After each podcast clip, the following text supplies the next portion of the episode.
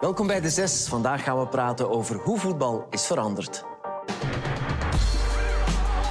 bank, iedereen recht behalve Jackie Matthijssen. Ja, dat is ook een beetje imagebuilding. De Schacht maakt de bal op zijn linker natuurlijk. Schitterende goal. Olivier de Schacht. Praten over de veranderingen in het voetbal, dat doen we met deze ex-voetballers, met de onvervangbare. Ook al hebben ze dat bij Anderlecht vaak geprobeerd. Olivier de Schacht, met een ex-doelman die kan zeggen dat hij twee seizoenen op de loonlijst van Man City heeft gestaan. Geert de Vlieger. Nog een ex-doelman die erin geslaagd is om de volle elf dagen trainer te zijn bij het Griekse Larissa. Een Ajaxiet met blauw-zwart bloed, Dennis van Wijk. En met een gewezen voetballer die een stuk van de Nederlandse voetbalbeker is verloren op de autostrade, Bob Peters. Hoe zat het, Bob, met die beker? We hadden de beker gewonnen, de finale tegen NEC. Met Roda JC. Met Roda JC. En uh, Sef Vergoosen, Erik van der Leur en mezelf, wij hadden nog uh, verplichtingen bij de televisie. Maar ja, je had al, de wedstrijd was om zes uur. Je hebt van, van een uur of twee eh, niet meer gegeten, toch wat gedronken. Dus op een gegeven moment staat er een auto klaar om ons richting Kerkrade te voeren. En ik zat van achter al redelijk beschonken. En ze hadden het lumineuze idee om mij de beker te geven. Dus die beker stond tussen mijn uh, benen. En op een gegeven moment steken we zo'n kolonne met supporters voorbij. Dus ik dacht van oké, ik, ik, doe de raam open en ik steek die beker buiten. En ik laat die zien aan de supporters. En op dat moment vliegt dat deksel eraf. En ja, op de straten, maar hier, wij, hier we voorbij die kolonne met bussen waren, waren we al een aantal kilometer verder. Maar ja, dat was een originele beker. Dus ze vergozen van der Leur, ik zat er nog met die beker zonder, zonder deksel. En die zijn dan via de pechstrook nog kilometers teruggelopen. En, en op een gegeven moment ja, kwam er achter ons uh, politie met, met zwaailicht. Ik denk, ja, oké, ze hebben, ze hebben dat deksel gevonden. Maar die waren opgepakt in de Middenberm. Dus de Sef en Van der Leur die waren de Middenberm ingelopen. Maar ja, dat was levensgevaarlijk. Uiteindelijk zijn we naar richting Kerkrade. Hebben we op het stadion zo'n beker van de jeugd. Zo'n zo zo deksel erop gezet, afgetaped. En, en zo aan de mensen laten zien. En drie dagen later heeft de Rijkswaterstaat in de Middenberm dat deksel gevonden. Maar ja, natuurlijk was het een heel item. Want ja, was misschien geen duplicaat. Dat was dus echt uh, de beker. En je ziet nog altijd, ze hebben die uitgeblutst, maar je ziet nog altijd de spoor. En ik moet zeggen, er heeft niemand van Roda ooit één negatief ding gezegd van wat heb je nu gedaan? Of, uh, dus dat was, uh, ja. Het is een goed verhaal ook, hè? ja, ik heb, ik heb er zelfs de laatste show en zo mee gehaald. Ja. Hè? Met dat verhaal. Dus, Ze claim to fame. Dat is een voetbalcarrière. claim to fame, ja. ja. Jij hebt ook één keer de beker gewonnen met, met Anderlecht. Klopt. Hoe lang heb je voor Anderlecht gespeeld? Um, professioneel 16 jaar. Um, en in totaal 20 jaar. Hoeveel spelers heeft Anderlecht gehaald om jou te vervangen? Maar elk jaar eentje, hè. ik heb er 16 jaar gespeeld, dus uh, 16 uh, linksbakken. En uh, ene keer twee, omdat ik een uh, kraakbeenblessure had. Ja. Hoe vervelend was dat, dat er telkens iemand werd gehaald om jou te vervangen? Voor mij persoonlijk stimuleerde mij dat wel. Ik ben ook altijd, altijd in twijfel getrokken geweest. Hè. Altijd. Ik ben nooit de beste geweest, ik geef dat toe. Ik heb altijd voor alles moeten vechten. En elk seizoen kochten ze eigenlijk iemand anders. Het is, het is zelden dat er iemand gebleven is twee seizoenen na elkaar of drie seizoenen na elkaar. Juist Jelle van Dam is gebleven. Die hebben ze gekocht voor op mijn positie, maar die is dan naar het middenveld verschoven. Hoe vervelend is het om, om niet eerste keuze te zijn als voetballer? Als voetballer heb ik dat één jaar meegemaakt bij Ajax. Ik ben eigenlijk bij Ajax gehaald omdat ze daar met die, al die jonge gasten zaten. En ze wilden wat ervaring hebben voor de Europese wedstrijden. En dan eigenlijk in die eerste Europese wedstrijd was dat...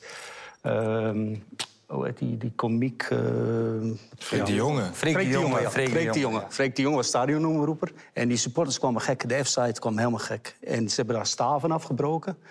IJzeren staven. En gesmeten naar de keeper. Ja, wedstrijd uh, afgelast. En ik geloof drie jaar geschorst geweest, Ajax, voor Europees voetbal. Ja, en ik zat daar, hè. Ik was aangetrokken als voor Europese wedstrijden. Dus ik was eigenlijk voor niks gekomen. En hadden ze net die lichting, uh, wat was de Boertjes, uh, Bergkamp, Winter en noem maar op allemaal. En die mannen waren gewoon veel te goed. En dan kan je er nog mee leven als je dan ziet wat die mannen voor een carrière gemaakt hebben allemaal.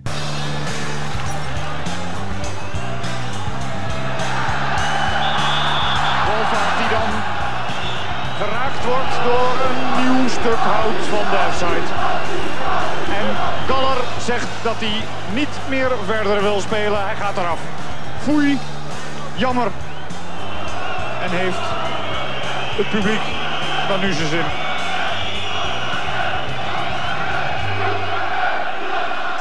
Jullie zijn dan trainer geworden, jij ook natuurlijk. Houden jullie dan rekening met spelers die dan niet eerste keuze zijn om die er toch bij te houden? Of, of, of vergeten jullie dan wat jullie zelf hebben meegemaakt? Dat is een hele andere carrière. Hè? En, en je bent dan eh, eigenlijk bezig om resultaten te halen. En dan moet je keuzes maken. En als speler had je daar moeite mee als je daar niet speelde. Ja.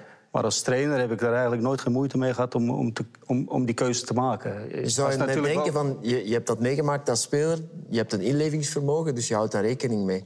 Je moet wel een woordje uitleg geven. Ja. Vroeger kon je als, als, als trainer de grote baas zijn en zeggen van kijk, die elf spelen en de rest basta.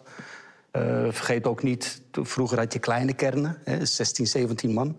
Nu heb je de 30. Is dat het moeilijkste om iedereen tevreden te houden? Maar ik denk dit een juiste benadering is. Nu denk ik dat het bankzitten iets geworden is wat meer aanvaard is. Vroeger dacht ik, als je niet kon beginnen aan de match, had je het gevoel van, ja, wat is dat een- hier? Ik ben een slechte. Ja, ik ben niet goed genoeg en de trainer kent er niks van. Nou, wat, je, wat je tegenwoordig in Engeland al vaak ziet, dat, dat ze een speler halen als squad player. Dus met andere woorden, ze willen die, die eh, shadow game spelen. En ze spelen toevallig tegen een speler rechtsbuiten die heel erg snel is. Maar ze hebben dat niet in hun kern. Dan halen ze vaak zo'n speler op. En ze zeggen van oké, die gaat niet veel spelen bij ons. Maar is wel een hele goede speler voor het niveau van de trainingen hoog te houden. En het is een specifiek profiel die wij in die kern niet hebben. En die speler in kwestie weet dat? Dat wordt van tevoren wordt dat gecommuniceerd. Maar weet je wat er ook altijd is? Als, als je de dag voor de wedstrijd de A-ploeg tegen de B-ploeg speelt, won bijna altijd de B-ploeg. Dat vond ik altijd, altijd iets raars. Dus, eh, Ja, omdat de A-ploeg ook niet meer geblesseerd wil worden. Die A-ploeg wil fris en fit blijven voor de volgende dag. Die denken, ik ga je niet gelijk een zot liggen liggen lopen. En dat was toch altijd een moment als coach om dan die A-ploeg even scherp te zetten. Om Ja. te zeggen van, nee, ah, jullie denken dat je morgen gaat spelen. eh. Dat waren wa- matchjes op het scherp van de snee. Echt waar. Dat waren jongens die echt gefrustreerd, ontgoocheld waren bij de B-ploeg. Die echt al in gingen tegen de, jongen, de jongens van de A-ploeg. En eh, dat, dat leidde tot leuke duels dag voor de wedstrijd. Ja, en tot, waar. tot ruzies ook of zo? Absoluut. Je moet toch ontgoocheld zijn als je niet speelt. Ja, natuurlijk moet je ontgoocheld zijn. Ja. Als je daar op een goede manier mee omgaat. Maar ik, ik vind altijd dat een speler kwaad moet zijn. Als Maar wat is, een, wat is een, een, een goede manier mee omgaan? Is dat, Dat je Allee, alles in een training... le- Je moet niet nukkig gaan doen en, en, en eh, je buiten de groep gaan zetten. Maar als je scherp traint en je, en je gaat mee en je zegt van ik ga de trainer... Op dat moment is dat de klootzak. Hè, Was die- jij, die nukkig, was jij nukkig buiten de trainingen als je niet mocht meedoen? Nukkig? Mm, ik, was niet Ja. de ja, ik was niet de makkelijkste. Jacques, je hebt niet getraind, jongen. Je Ja. niet getraind. Maar ik, ik was wel ontgoocheld. Als ik niet speelde, was ik wel niet Zat de, je dan, de leukste dan mens. zat je toch niet, zoals wij je allemaal kennen, op de bank. Allee, eh, Wou, wou je dat jouw ploeg won als je op de bank zat? Eerlijk. Als je nu twintig wedstrijden aan elkaar hebt gespeeld en je zit dan één keer op de bank, dan... dat- Ik wil wel dat mijn ploeg wint. Maar ik wilde wel, want ik was een spits die dan moest inkomen als we achter stonden. Dus ik had wel zoiets, ja... Het is, Antwoord is op de vraag die jij zelf Ik net hebt gesteld. eerlijk zijn, ik wou niet altijd dan ze wonnen. Ja, ik was echt wel een klootzak op de bank. Ik kan dat wel echt wel toegeven. Maar ik, ik trainde wel keihard als ik op de bank zat. Je hebt ook gasten, als ze op de bank zitten, die echt hun laten gaan en die meer trainen. En die tegen hun zin naar de training komen en eigenlijk de ander ook een beetje slecht beïnvloeden. Zo was ik niet. Maar ik had soms op de bank van... hmm, Maar in uw geval, jij was ook een verdediger. Hè? Ja. bedoel, jij hoopte dat ze er drie tegen kregen, Ja. dat de verdediging er Bij mij was het, van- als het 0-1 werd, ja, dan werd het warm. En dan moest eh, het breekijzer komen. En dan gingen ze mij sneller brengen. Geert, hoopte jij dat je concurrent in doel wel eens... Ja, ja, natuurlijk dat hij in de fout ging. Ik, bedoel, ik, ik wou wel wonnen met 3-2 of met 4-3 of zoiets. En dan twee of drie toch eh, eh, fouten of halve flaters van, van, van de concurrent. Ja, ik bedoel, survivor of the fittest. Hè. De, de, en in het geval van een doelman, bedoel, dat is geen verhaal Jelle van Damme, Olivier de Schacht, dat ze zeggen van ja, Ja. we gaan eentje doorschuiven naar het middenveld. Nee, je weet heel goed als er iemand toekomt, kijk, wij gaan vechten voor een plaats. En als jij die bent, ben ik het. Of omgekeerd. Daarom dat het ook altijd voor mij, vind ik, heel moeilijk geweest is om echt met een collega-doelman vrienden te worden. Je hebt, ik, heb, ik heb in heel mijn carrière heel veel vrienden, ex-voetballers overgehouden, maar geen ex-collega-doelman, omdat dat gaat gewoon niet. Tenzij... Ik heb het in mijn carrière ook meegemaakt dat ik op de bank gezeten heb bij City, plaatsen bij Club Brugge, bedoel, dan, dan zijn de afspraken ook vooraf duidelijk. Van kijk, Geert, je komt naar Club Brugge als backup goalie. Als we je nodig hebben, moet je er staan. En voor de rest moet je je ding doen. En dan is dat ook een situatie waar je mee om kan. En dan hoop je dat ze zoveel mogelijk winnen. Maar in de situatie bij Anderlecht bijvoorbeeld, met Flip de Wilde, was het zelfs nog zo extremer. Als, als je bij Anderlecht in de ploeg stond, was je op dat moment ook keeper van de nationale ploeg. Dus je geraakte op de bank bij Anderlecht bijvoorbeeld. Je was niet alleen je plaats bij Anderlecht kwijt, maar je, je collega Doelman die bij Anderlecht in de ploeg kwam, die pakte ook je plaats bij de nationale ploeg in. We hebben het nu over teleurgesteld zijn en hopen dat de, club, dat de ploeg verliest. Je zou maar trainer zijn van zo'n mannetje. En die daar een beetje de sfeer komt verpesten. Dat hebben we ook meegemaakt wij als trainers. Het is ook een manier hoe je op de bank geraakt. Als de trainer natuurlijk dag voor de wedstrijd komt... Hey Oli, vandaag kies ik voor iemand anders. Ja, dan, dan zou het al anders zijn bij mij. Maar ik heb veel meegemaakt dat ik, dat ik echt me goed voelde, vertrouwen had, goed speelde. Een uurtje voor de wedstrijd, blad gaat omlaag, Olivier de Schacht staat op de Wat bank. jij zegt, dan heb ik zoiets denk van, dat, dat, dat heel veel trainers daar ook wel geëvalueerd in zijn als, als people manager. Hè. Vroeger kon je hard en bot zijn, Ernst Happel in de tijd, bla bla bla. Dat, dat, die hoeft er niet uit te leggen. Maar nu, nu moet je toch veel meer uitleggen waarom. En, en Oh, Ik vond het wel grappig vroeger, omdat je spreekt van die 11 tegen 11. Vaak gebeurde dat op donderdag. Hè? En dan moest de trainer eigenlijk al duidelijk maken van... kijk, ik ga met deze 11 starten. Terwijl dat is dan vaak discussie, want dat, dat kon tot discussie leiden. En dan merk je vaak dat die trainer dacht van... oké, ik ga vandaag mijn keuze nog niet... Ik ga ze alle twee een helft laten spelen. Dat is drie keer dat is 20 het niks. minuten, drie keer eigenlijk 20 het minuten en dan met verschillende Ja, ploegen terwijl, spelen. Terwijl je dan soms als speler dacht van ja, trainer, je hebt gekozen, zet nu gewoon die elf, dan kunnen we tenminste trainen zoals we het weekend gaan spelen. Maar ja, het, het is ook vaak gebeurd dat er nog eentje ziek wordt, eh dan, er heeft nog geen last, dat hem dan toch, echt- toch denkt van oké, kunnen ze eigenlijk alle twee spelen, kan ik de andere aan de kant schuiven? Ik ging vroeger altijd iemand sturen naar de trainingen. Ik ben bij iemand laten sturen naar Shakische trainingen. Toen in de tijd waren het geen besloten trainingen. Ja, nee. En dan kon je al een beetje voelen van... oké, die gaat spelen, die gaat niet spelen, zie je wel. Dus met andere woorden zat ik te denken... ja, ze zitten waarschijnlijk ook naar mijn training ik- te ik- kijken. ik weet dat Eh, nog. We gaan, we gaan een beetje Ik weet wisselen. dat nog, je hebt helemaal verkeerde info meegekregen. Ja, ja, ja. Maar was dat zo belangrijk ja, om te weten? Nee, dat was niet belangrijk, maar het is ook een soort spel. Hè? Eh, eh, eh, wil ook graag dat spelletje spelen, ik ook wel. En ik wil dan altijd weten van, oké, hè, ik stuur dan iemand naar de training. Ga Goed kijken, dat is hier. En dan zelf mijn eigen trainingen, drie keer twintig minuten. Ja, daar kan misschien iemand staan kijken hier. Die gaat dan weten hoe Dat en is me wat. nooit gebeurd. Echt niet. Ja. Maar ja, oké. Maar ja, gesloten Maar voor de rest was je niet paranoia, Dennis. Nee, maar ik vind gewoon dat je 100% moet voorbereid zijn... en, en, en kan zien wat er alternatieven zijn... die je de, de, de andere coach kan, kan aanbrengen om jou Bij mij te is er verrassen. één keer iemand op de training geweest... en dat was een verborgen cameraploeg van, eh van PlaySports. Ah, ja. Toen, goed gelukt, eh, hè? tegen, dat was de, de topper tegen Leuven. We moesten winnen toen. eh. en er komt echt iemand met een truitje onderaan van, van OA Leuven. En die komt filmen. En Erik Reenaars zat mee in het complot. En die zegt, ja, coach, die staat hier te filmen. En die, nee, het lijkt wel of hij een truitje van OA Leuven aan heeft. En dan komt er iemand. En achteraf heb ik die, die jongen dan die... Ik zeg, als je nu de deur niet dicht doet, dan gooi ik uw camera in de bosjes. En hij, normaal moest hij een stap verder gaan, maar hij zei achteraf van, ik durfde niet. Ik had die echt vastgepakt. Stress van een coach. hè. Ja, ja. Wie denkt nu dat uw eigen assistenten mee in het complot zitten?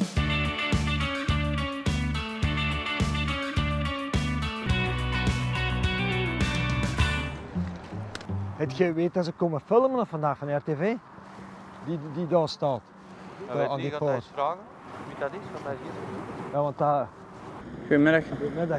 Ik eh, moest van de Bob komen vragen wat jij kan doen. Eh, ik ben gewoon wat beelden aan het maken. Ik zeg zo tegen die, kom jij filmen of wat zit je doen? Ja, dat is voor eigen gebruik.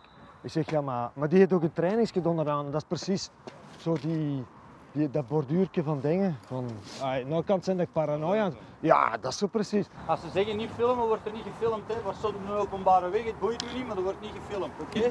Of uw camera ligt in de bosjes, hè? Ja, ik sta Nee, nee, nee, ik zeg tegen u, doet hem weg of alleen in de bosjes. Dat is het enige dat ik zeg. Doe wat je wilt, van een andere ploegen zijn ploeg genoeg in de buurt. Als ze zeggen niet Ja, filmen, dat is maar wordt er niet 16. gefilmd.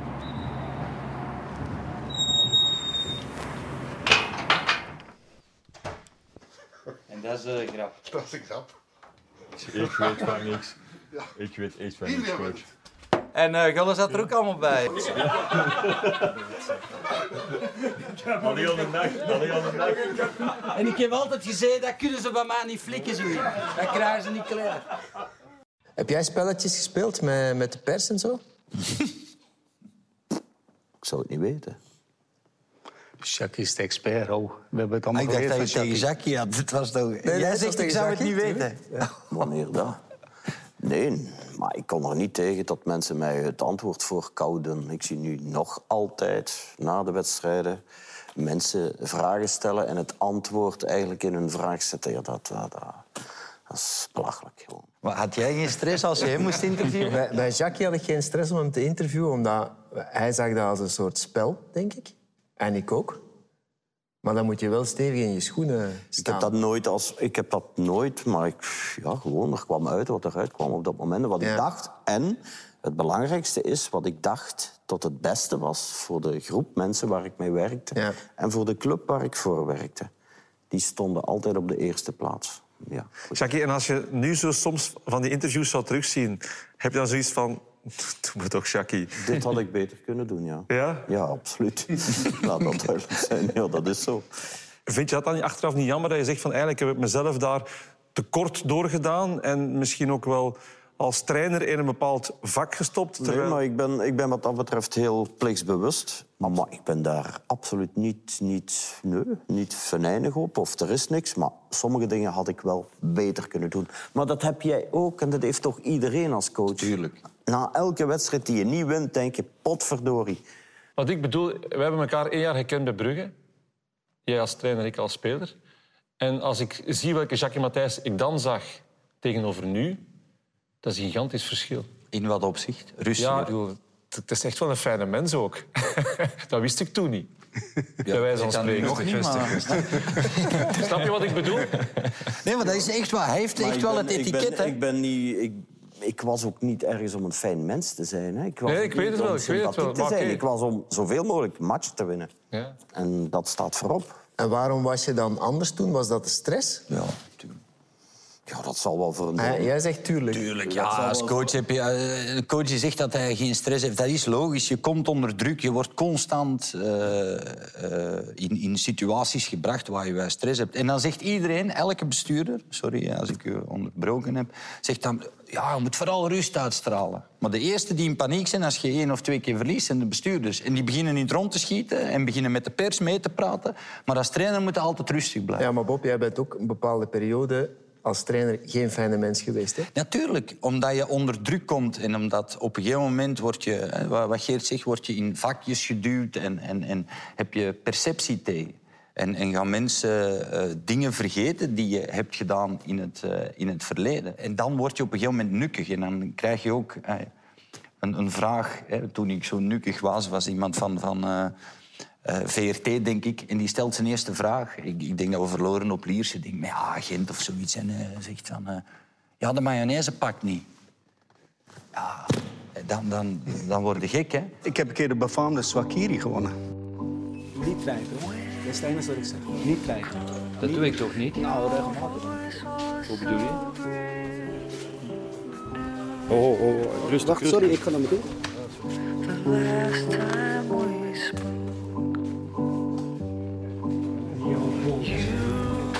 Wat weg? Eén minuutje, want u, u was zo... Ik was niet, ik wil gewoon heel rustig, maar ik wil alleen dat jij eh, de mensen met respect behandelt. Dat is het enige wat ik vraag. Want jij hebt natuurlijk wel een beetje een verleden dat je een beetje treiterig kan overkomen. Of dat nu bedoeld is of niet. Maar ik denk niet dat het het moment is nu. Ik denk dat iedereen zwaar teleurgesteld is. Vandaar... En dus ik, ik spreek jou gewoon te woord, dus ik heb geen probleem. Dus als je een vraag hebt, mag je dat stellen nu. Ja. U, u bent ongelooflijk ontgoocheld. U weet dat wij een, een trofee hebben voor de meest ontgoochelde. De Swakiri. Hij is voor u deze week. Ja, maar ik hoef hem niet te hebben. Ik heb genoeg medailles en beltjes thuis staan. En je mag hem aan iemand anders geven. Misschien aan onze Hij- voorzitter. Hij brengt wel geluk, hè? Ja, is het waar? Nou, geef hem dan iemand die meer pech heeft dan ik. Ik heb over Zijn er mensen die, die, die nog meer pech hebben dan jij? Sportief is niet zo heel erg belangrijk. Gezondheid is misschien iets belangrijker. Dus geef hem aan dat soort mensen allemaal. En iemand die zijn been heeft gebroken of weet ik veel wat, die verdient meer geluk dan ik. Oké? Dankjewel. You might as well have killed me, and that was the last time. Vent toch. Ik kwam zot. Echt waar, ik kwam zot. Echt waar. Het was Christian van Abelen. En die stond dan met die micro en alles en dat in die gang. Maar vent, ik, ik, kreeg, een, ik kreeg een blackout. En ik, ik ging eigenlijk naar hem toe. En op het moment dat ik naar hem toe ging, zei ik stop. dus wat gebeurt er? Tien jaar later ben ik trainer bij uh, Antwerpen krijg telefoon of, uh, of ik mee wil werken in een live uitzending. Want Chris van Abelen heeft een burn-out of zit in een depressie. En een supporter van Antwerpen. Of ik live met hem wil spreken om hem een klein beetje op te beuren. Juist die live-programma komt. Ja, Chris, ik zeg, ja, eigen schuld. Verdomme, je ziet iedereen altijd af te zeiken. En nu weet je hoe het is om in die situatie te zitten. En dat, ja, dat, dat ging helemaal verkeerd. Maar dat was live, dus ik kon hem dat. Ja, ja, ik zei het. Ik zei, je eigen schuld, verdomme. Ik zei, je ziet altijd iedereen af te zeiken. Beetje zwak hier. Dat was jaren later, hè. Ik zeg, en dat, zie je, nu weet je hoe het voelt. Om, om, dat, eh. We hebben het goed gemaakt, hoor. Maar uh, ja, we zijn elkaar nog veel tegenkomen. En ja, je kent er wel een beetje lacherig over doen dan. Maar op dat moment, jong, op van de zenuwen was ik. Dus ja, dat, dat, dat trainerschap, die druk, dat is, kan je niet vergelijken als trainer of als speler. Heb jij de rol van de pers zien veranderen door in je carrière? Goh, um, ja, natuurlijk door de sociale media. Natuurlijk. Uh, maar ik vind, ik vind, vroeger waren het toch venijniger journalisten dan nu. Hey, dat is mijn indruk toch. Ja. Ik heb het gevoel dat vroeger de journalist een mening poneerde. En tot mensen die de krant lazen, dat langzaam maar zeker overnamen. En ik heb nu het gevoel dat het andersom is. Ja. Dat de mensen en de journalisten het iemand, En dat de journalist ook meeleest wat de mensen denken... en daar ook nog eens een koers overheen gooit. En dat, daar heb ik het zeer moeilijk mee. Ja, klopt. Ja, maar vroeger moest je bepaalde journalisten te vriend hebben. Ik ga nu niet geen namen zeggen, maar als je... Namen, namen, Oli, kom, namen. namen. maar iemand van het laatste nieuws, bijvoorbeeld Stefan Keinaert... als je niet, niet te vriend had... En dat was uw vriend? Niet. Ah, oké. Absoluut mijn vriend ah, niet. Dus vroeger was er, was er heel veel subjectiviteit. En, en nu vind ik de journalistiek veel objectiever. Ja. Veel objectiever. Vroeger was het echt, als je die journalist die niet te vriend had, 15 jaar geleden, dan was je een slechte. Punt. En op een bepaald moment moest je wel vriendelijk doen, overdreven vriendelijk doen tegen journalisten. Moest je ze wel te vriend houden. En dat was een heel moeilijke voor mij soms. Ja, heb je je daaraan geërgerd? Ja, verschrikkelijk. Allee, verschrikkelijk. Dan zag ik bepaalde journalisten met spelers high fives geven en hey, West, alles in orde. En dag nadien uh, kreeg ik ook toevallig 9 op 10. Was dat, kon hij niets fout doen. En dat, dat, dat, vind ik nu dat dat nu een beetje aan het veranderen is. We moeten eens kijken van waar we komen. Hè. Gezegd van de journalistiek is, is veranderd. Wij zijn ook veranderd. Hè. Mhm. We komen van een, van een situatie waar je vroeger na de match in de kleedkamer in hun halve blote stond en dat de journalisten een kwartier aan de match binnenkwamen en die kwamen aan jou vragen stellen over de match. Dat was de relatie. Eh, de relatie was ja, dat was in het begin van mijn carrière. Ik heb inderdaad nog geweten dat ik bij Anderlecht de kleedkamer binnenstapte. Ja. En ja, ik wist niet wat ik zag. Die gasten stonden daar als jonge journalist. Dat komt toen allemaal. Ja, en toen kenden we elkaar ook redelijk goed. En toen hadden wij ook nationale ploeg vroeger. Training was gedaan in Krainem, naar boven in de bar. Aan de bar iets drinken, koffietje, uh, colaatje, broodje eten. Journalisten stonden erbij. Ja, uh, Olivier, even voor de krant van morgen. Ja, oké. Okay. Kwartiertje gepraat en dan praat je nog een half uur door over van alles en nog wat. Stond niet in de krant. Nee. Ja. 2000, het EK 2000 in eigen land, waar het niet zo goed gelopen is, is de laatste keer dat het, de pers volledig toegang kreeg tot, tot, het, tot de spelers. De persboycott met eh, Wassage op WK 2002, daar is het eigenlijk allemaal fout gelopen. Ja, het keerpunt. Ja, daar is het keerpunt gekomen. Daar heeft, ik denk dat onze, onze vriend François Collin was, die heeft daar voor de eerste keer dingen die na een interview besproken werden en in de groep gegooid werden als ja, dat leeft en dat gebeurt, die stonden ineens allemaal op de, in de krant. En daar is eigenlijk een verbond gebroken ja, dat nooit meer hersteld is. Hè, waardoor de afstand alleen maar groter en groter geworden is. Hè. Mhm. Vroeger, als we ons een journalist belden, we pakten op. Hé, hey, Ludo. Oh, ja, ja ah, oké, ja, dit en dat. Ja, maar je moet dat niet schrijven, maar dit en dat en dat. Dat was ook, dat was ook de wisselwerking toen. Ja, nu bestaat die niet meer. We hebben deze middag rond 13 uur kennis gekregen van een artikel waar er tamelijk heftige aanvallen tegen de ploeg, de trainer en zijn medewerkers werden gelanceerd. Il a été décidé par tout le groupe des joueurs de n'accorder plus aucune interview avant la fin de notre match contre la Russie. Natuurlijk, wij beseften ook hoe je het draait of keert, maar door op een bepaald moment dan die, die perstop in te lassen, dat je, ja, dat je nog meer over je afroept. Jullie hebben bij veel clubs gewerkt. Is er nog een soort liefde tussen jullie en die clubs, of, of bestaat dat niet? Ik denk persoonlijk, bij de clubs waar je succes hebt gehaald als speler of als trainer, dat die liefde een stuk groter is dan bij de clubs waar je, waar je het minder hebt gedaan. Dat denk ik zo en zo. Het is een emotionele band. Dat is alleen. In de tijden van ons, vooral Jackie en ik, zat je als speler veel langer bij een club ook. Omdat het nog geen arrest Bosman was. Dus met andere woorden, als je einde contract was, was je niet vrij. Uh, nu is het verloop veel groter. Om, einde contract ben je vrij. Veel spelers gaan cashen. Eh, tekengeld, een nieuw contract en noem maar op allemaal.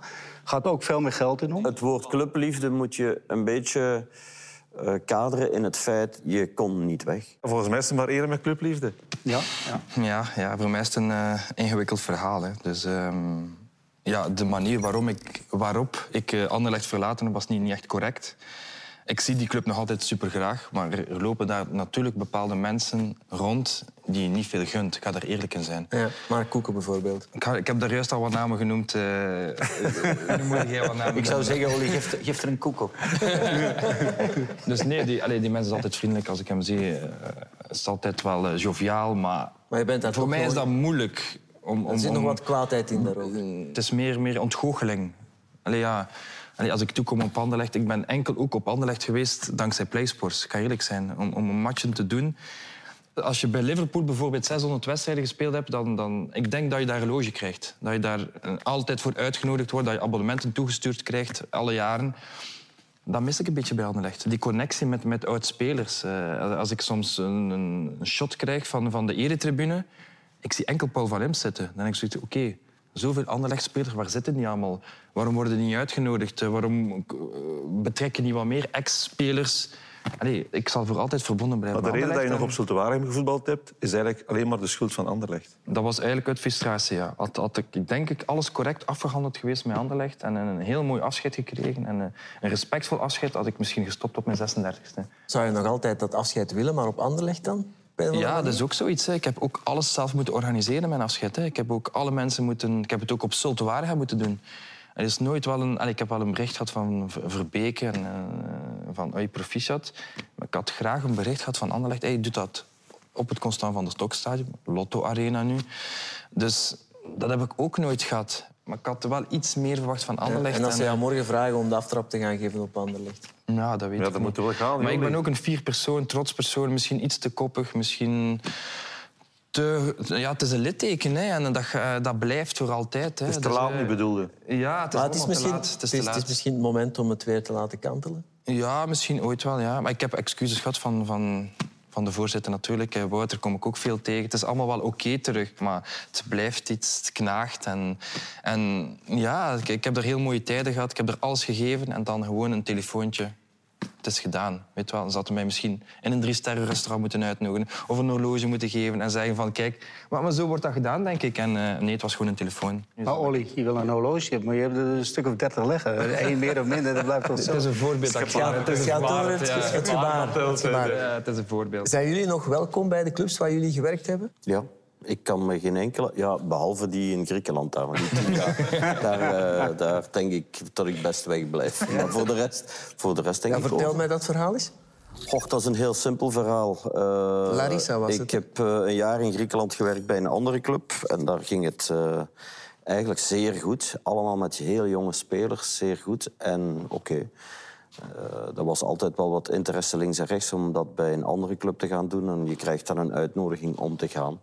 En ik ben dan gewoon bij een zotte voorzitter terechtgekomen... die uh, zich na drie of vier uh, momenten samen begon te moeien. En toen heb ik uh, gezegd, het is goed geweest, we gaan naar huis. Voilà. Ja, elf dagen. Ja. Ik denk als je dat de eerste week... Was dat een all-inclusive? Of? als, je, als, als, je dat de, als je dat de eerste week doet... Eh, dan denk ik, ja, wat gaat, dat, wat, wat gaat dat hier worden? ja, het is goed, Bob.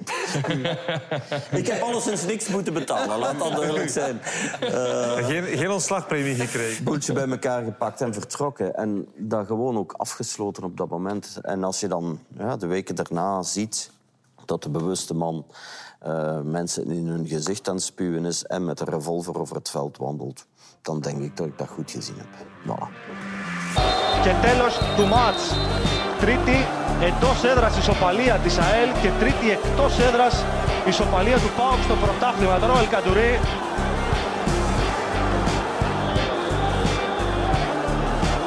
Βλέπουμε τον ε, παίκτη του ΠΑΟΚ με κάποιον τα έχει βάλει από τον πάγκο της ΑΕΛ. Είναι μπροστά στον πάγκο της Λάρισας. Zijn de voorzitters ook geëvolueerd? Vroeger wist je niet wie de voorzitter was, bij manier van spreken. Zag je die alleen tijdens de contractbespreking. Nu komen ze regelmatig al in de kleedkamer bij de, bij de coaches. Dus er- ze, ze treden meer en meer op de voorgrond. Maar ook omdat de voorzitters nu zijn ook de- vaak de eigenaars van de club. Hè. De, investe- de, de mannen die, van wie de club echt is eigenlijk. Vroeger een voorzitter, voorzitter van KSK Beveren, voorzitter van Club Brugge. Dat, waren gewoon, dat was de voorzitter. Maar dat was niet, dat was niet zijn club. Hè. Terwijl nu, ja, het is soms af en toe hun, speelgoed ook. Ik denk dat dat het grootste verschil is. Ja. En de rest is gewoon, hangt gewoon af van de persoonlijkheid van de man in kwestie. Ja. Denk ik. Heb jij dat zien veranderen, Dennis? Nou, het is wat Geert zegt. Hè. Vroeger waren in België allemaal feesten dwees. Hè. En dan werd je aangesteld als voorzitter eh, door de, de, de raad van bestuur. ja. En dan word je trainer, dan evolueert dat meer. En het is wat Bob zegt, dan kom je die, eh, die voorzitters iets meer moeien. Eh, Leone, eh Bayat eh, heb ik gehad, eh, noem ze maar allemaal op. Eh, Ja? Je- Duchâtelet. En ging, dat goed? Met, eh, Nee, ik, ik, ik kom met iedereen overeen, Jackie. Ben ik geen moeilijk mens. En, en nu natuurlijk... eh, ja, wat ik al zei... Dat, Maar jullie hebben beide Bayat als voorzitter eh, gehad, de oude, de oude Bayat. eh, nog? Abbas. Maar dat is wel het grote verschil voor een trainer ook, denk ik. Vroeger kwam een voorzitter zich sportief toch nooit moeien tegenover het laatste Ja, maar jaar. goed, bij Bayat was dat wel zo. Hè. Want Ja, hij maar was dus- ook al eigenaar. Hij was misschien een van de eersten hè, Ja. die, die wat dat op die manier deed. En die ook ervan overtuigd was dat hij heel veel van voetbal wist. hè. Ja. Totdat ik hem een keer vertelde. Want hij zegt tegen mij, ik heb meer dan 2000 wedstrijden gezien. Ik zeg, mijn papa ook. Maar die heb ik nog nooit, maar die heb ik nog nooit om raad gevraagd. Dus eh, ja, toen ging het toch langzaam maar zeker. te- Dat was misschien niet de beste opmerking. Nee, maar dan was je er een tijdje vanaf. Als je zo'n opmerking maakte, dan was je zes weken gerust. Het moeilijkste waar ik heb mee gewerkt was, was Duchâtelet. Dat ging totaal niet, niet persoonlijk, maar ook niet over ideeën. Waarom niet? Hij wilde zich altijd manifesteren, op een of andere manier. Hij wilde bewijzen, maar hij had niks te bewijzen. Want hij had het, hij had het zo goed gedaan in, in zijn branche. Ja, ja. Hij kon niet beter. En dan ging jij op dat gebied waar hij heel weinig van kon... wil hij die toch bewijzen dat hij er wel wat van Ik denk dat ook de link met Bayat was. Want ik ben wat dat betreft misschien een beetje... Dat was ook een businessman tot en met. Hè, geslaagd en, en eh, heel mooie dingen gerealiseerd. Maar, maar dan ja, het niet kunnen laten om, om, om eigenlijk ergens in te stappen. Niet begrijpen tot een, als ik dat mag zeggen van mezelf, tot een mijnwerkerszoon. Wat dat betreft veel beter en veel slimmer was dan hem. Dat ging bij die mannen er niet in. Dat kon niet. En toch was het zo. Ja. Ja, Bob? Ik heb dat met Duchâtelet eigenlijk niet gehad. Het enige, ik weet wel, want uiteindelijk eh, bij Charlton was dan na negen maanden of zo. eh, maar dat was vooral een conflict. Ik had een conflict met Katrien Meren, want Duchâtelet heeft me eigenlijk altijd gesteund. De manager van Charlton ja, toen. Maar er is wel één anekdote. Op een gegeven moment kwam de voorzitter, hè, Duchâtelet, dan kijken. En er waren net die rellen geweest die standaard. Hadden ze in zijn bureau binnengezeten. En toen is hij een paar dagen eh, naar Engeland gevlucht. We speelden thuis tegen Bolton Wanderers. En ehm Katrien kwam helemaal in paniek, want de voorzitter kwam kijken en ze zegt... Ja, Bob, je moet deze week trainen, want hij, twee dingen kon hij niet tegen. Dat iemand buiten spel stond. En dat er, als je een inworp had, dat je niet snel een inworp deed, want dan kon je voordeel halen. Na de wedstrijd, we winnen die 1-0.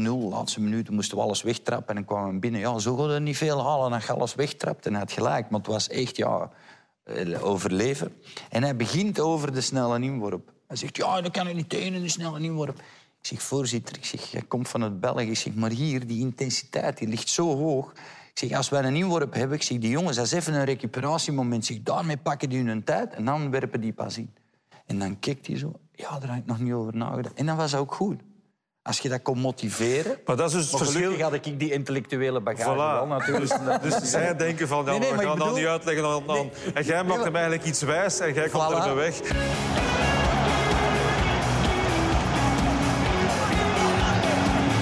En kijk eens daar, Abbas Bayat en eh Jackie Matthijssen die ruzie beginnen maken. Dennis, jij wordt eind van dit jaar 60. Je draait al lang mee in de voetballerij. Hoe heb jij de trainers zien evolueren, nu met veel technologie erbij? Hoe was dat toen je begon? Laat ik zo zeggen, toen begon in 82 eh, was ik 19, maakte ik mijn debuut in, de nu Premier League, de hoogste klasse in Engeland. Er was één trainer, keeperstrainer en dan de manager, die dan besliste, maar eigenlijk nooit op het veld kwam. Ik ben naar Club Brugge geweest, hadden we maar twee trainers. Henk Howard en Raymond Mertens, die dan assistent en keeperstrainer was. Keepertrainer was. En dat was het. Als je dat vergelijkt, die trainer toen en die trainer nu, hoe zien jullie dat? Ik denk dat in mijn periode dat de trainer toen eigenlijk een leraar LO was. Die wat oefeningetjes had, zodanig dat je je fitheid wat kon bevorderen.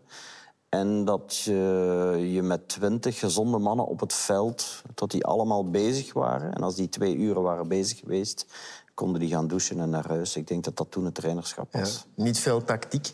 Jawel, maar dat waren meestal ook wel oud-voetballers, zeg ik dan maar. Of ze hadden hulp van een hulptrainer die misschien op niveau wat gespeeld had.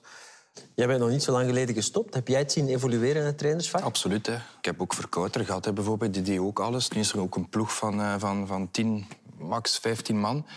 Die ook alles zelf deed. Hè. Die zelf met fietsje, met zo'n klein kilometriekje naast ons fietste. Eh, we moesten dan 12 of 13 kilometer per uur lopen. Nu is het allemaal met, met, met Polar.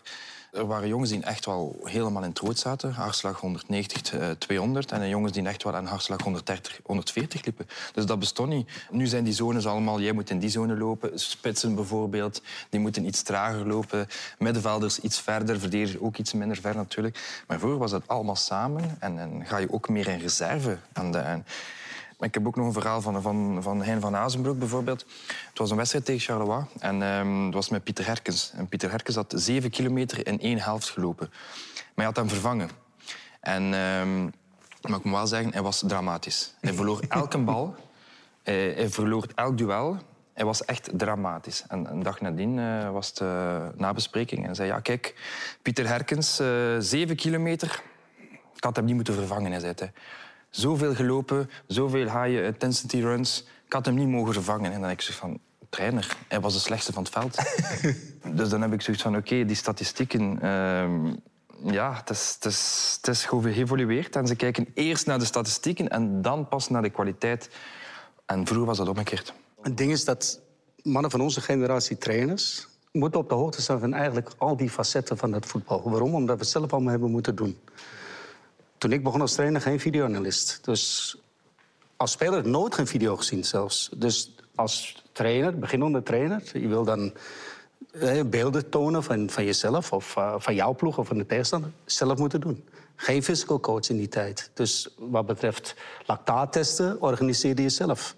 Eh, scouting deed je zelf. Ik zie bijna nooit geen trainer niet meer in het stadion zitten. Eh Hein is nog een van de enigste die je nog wel eens een keer tegenkomt. we gingen elke week. Eh, wij gingen elke week scouten. Eh, dus wij spelen zaterdag, zondag kijken naar wedstrijd, Mhm. vrijdag kijken Ja. naar wedstrijd als er nog was.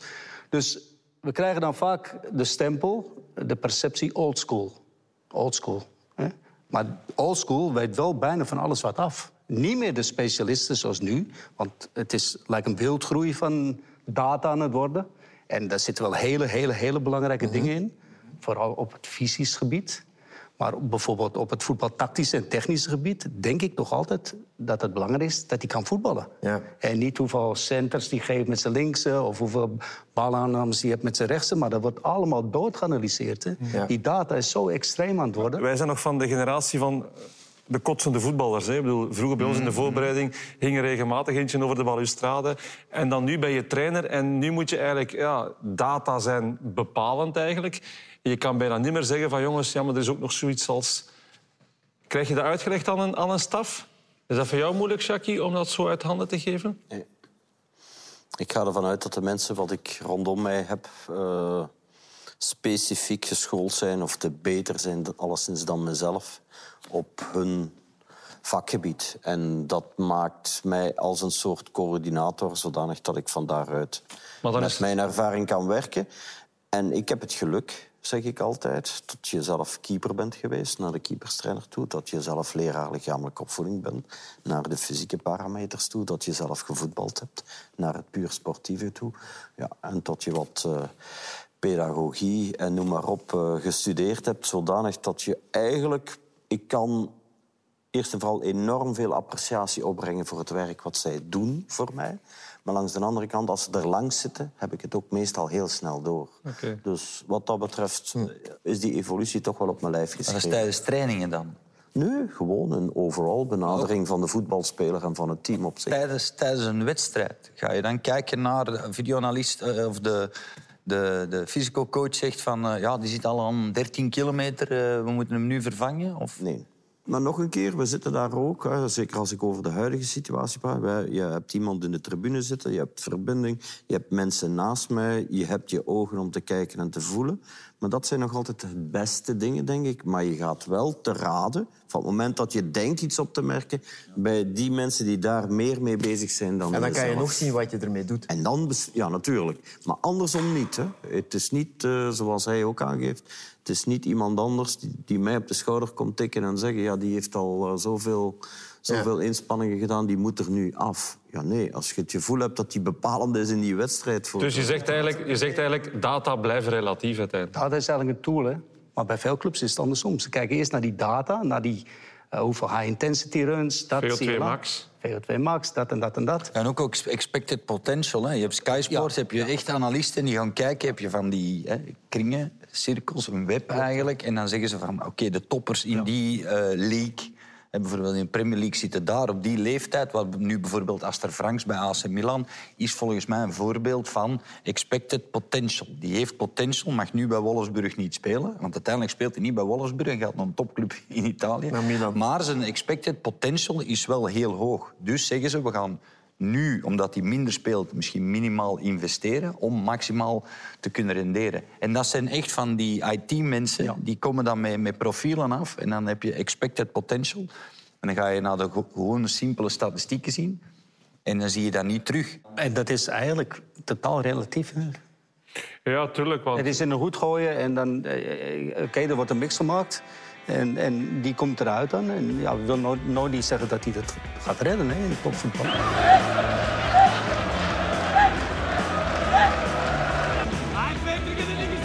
Peter, kom op. Hey, Peter. Ja, kom op. Nee, niet gezien. Dat is gezicht nog in de... Peters ja. in discussie met Bilbao. En uh, Van Wijk is nu al aan het koken. Jackie Matthijs moet echt opletten nu. Hij gaat uh, bijna door het lint en is nu ook in discussie gegaan over de scheidsrechterlijke beslissingen.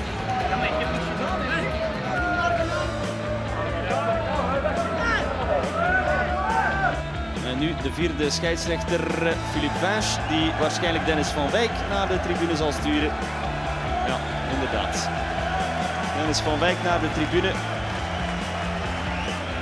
Ja, is kwaad. Dennis. Alles is veranderd in het voetbal. Ook de scheidsrechters. Als je dat nu vergelijkt, de scheidsrechterij met de VAR... in vergelijking met lang geleden, toen jullie uh, profvoetballer waren... hoe was dat toen? Veel slechter. Ja, ik zat eigenlijk ongeveer hetzelfde te denken. Allee... Ja, wel, er wordt veel geklaagd over ja. de scheidsrechterij. En ik ben daar ook soms bij. Ik begrijp ook niet altijd alles. maar in mijn tijd, toen ik voetbalde, zeg ik altijd... Ja, oké, okay, en dan moet ik rondkijken wie hier bij de topclubs gespeeld heeft. Ja, bij een topclub gaan winnen, dat was onmogelijk. Ofwel moest er daar iets heel raars gebeuren die avond. Maar als je met winterslag in de tijd met de bus naar Anderlecht reed... dan wist je dus op voorhand... Ja, we zijn kansloos. Ja. Dus die frustratie wat ik heb gehad als speler... ook in de beginperiode nog als coach... tot je thuis kwam of wat is naar, naar, de, naar de samenvattingen van de wedstrijd keek... en dan dikwijls gelijk had op je gevoel wat je op dat moment had... En dan wist je, Oké, ik ben spijtig genoeg zonder winst of gelijk spelpremie naar huis. En het is eigenlijk de fout van die man.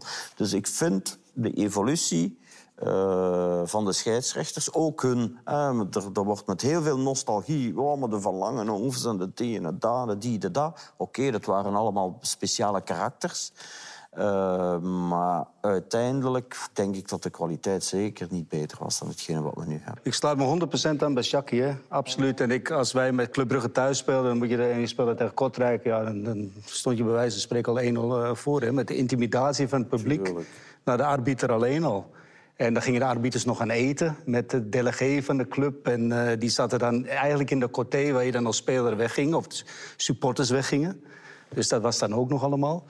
Uh, als je naar Wallonië ging, je had een Waalse arbiter. Ja, dan kon je je borst wel nat maken. Dan uh, lag je erop.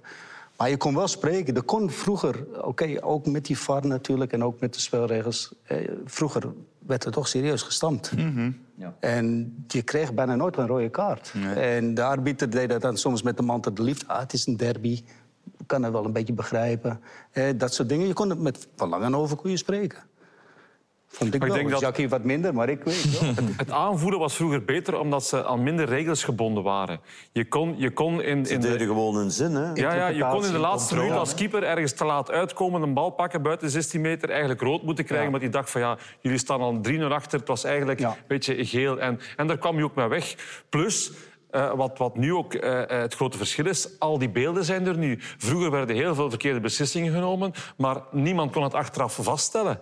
Want als er in, in Beveren-Kortrijk ja, eh, drie, drie tackles niet gefloten waren... Ja, ze werden ook nooit uitgezonden, die tackles als die match al een, een samenvatting haalde. Dus er, verdwenen ook heel veel fouten van, van scheidsrechters toen... die, die, misschien, ja, die nu zeker niet meer verdwijnen. Want nu wordt elk moment wordt gezien. En hoe is het geëvolueerd als trainer dan? Jullie staan daar.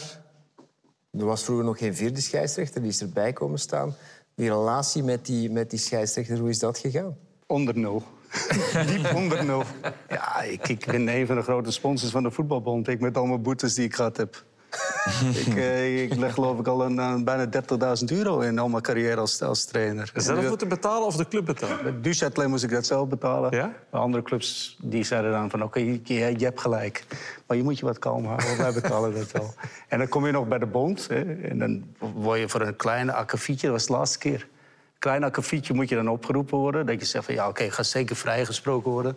He, er was een discussie. Dat... En dan zei ik zo voor te lachen van... Ja, eigenlijk zou ik vrijkaarten moeten hebben voor de Rode Duivels. Ja, voor, ik zeg, ben ik een van de grote sponsors? Ja, twee matchen geschorst plus twee nog en 3000 euro boete. ja, okay. ja, op welke manier hebben jullie geprobeerd om scheidsrechters te beïnvloeden als je daar staat? Op alle mogelijke manieren die toegelaten zijn voetbal speel je om te winnen. En dat is een van de hoofdrolspelers, loopt daar nu eenmaal tussen. Ja? En die wordt begeleid door mensen langs de En hoe probeer je dat dan? Wat zeg je dan zo? Ik heb dat dikwijls geprobeerd met humor. Dat lukt niet echt. dus... Uh... Maar nu ja. met de VAR kan je dat toch minder, hè? Scheidsrechter beïnvloeden met de VAR. Ja, ja dat is voorbij, hè. Dat is voorbij. Maar, maar nu, de scheidsrechter die kijken tijdens de rust naar, naar een gsm. Ja. Hè? Heb ik de juiste beslissing? En ik heb al gehad, die komt dan op het veld, de tweede helft, en die zegt dan, ja, sorry, ik was fout. Hè. Dus die kijken echt wel echt naar hun gsm. Die krijgen berichten, ik was fout. En die komen, allez, in mijn geval was dat toch, die komt zich wel excuseren van, hey, sorry, en die krijgen WhatsAppjes, hè. Voilà. WhatsAppjes ja, van ja. mensen die op tv... En dan sturen ze, ja, is het, ja het was penalty. Wat, ik, wat altijd leuk was... In Charleroi zat ik uh, langs de scheidsrechter. Dat was mijn bureau. En dat was eigenlijk geen echte muur. Dat was gewoon een wand. Ja, je moet dat ook geweten hebben in het stadion. Ik kon gewoon alles horen. Hè. Maar alles wat die mensen voor de, voor de wedstrijd tegen elkaar vertelden, hoorde ik. Dus, en je kunt niet geloven wat je dan hoort. Hè. Die, die zijn al bezig met een hoop scenario's. Als hem van zijn bank opstaat. als, als, als, als Bronjo zijn bek open trekt. Als die begint te vallen. Als die, dus die hebben dus een heel scenario. Die wedstrijd moet nog beginnen. Hè. Je houdt het niet voor mogelijk. Echt niet.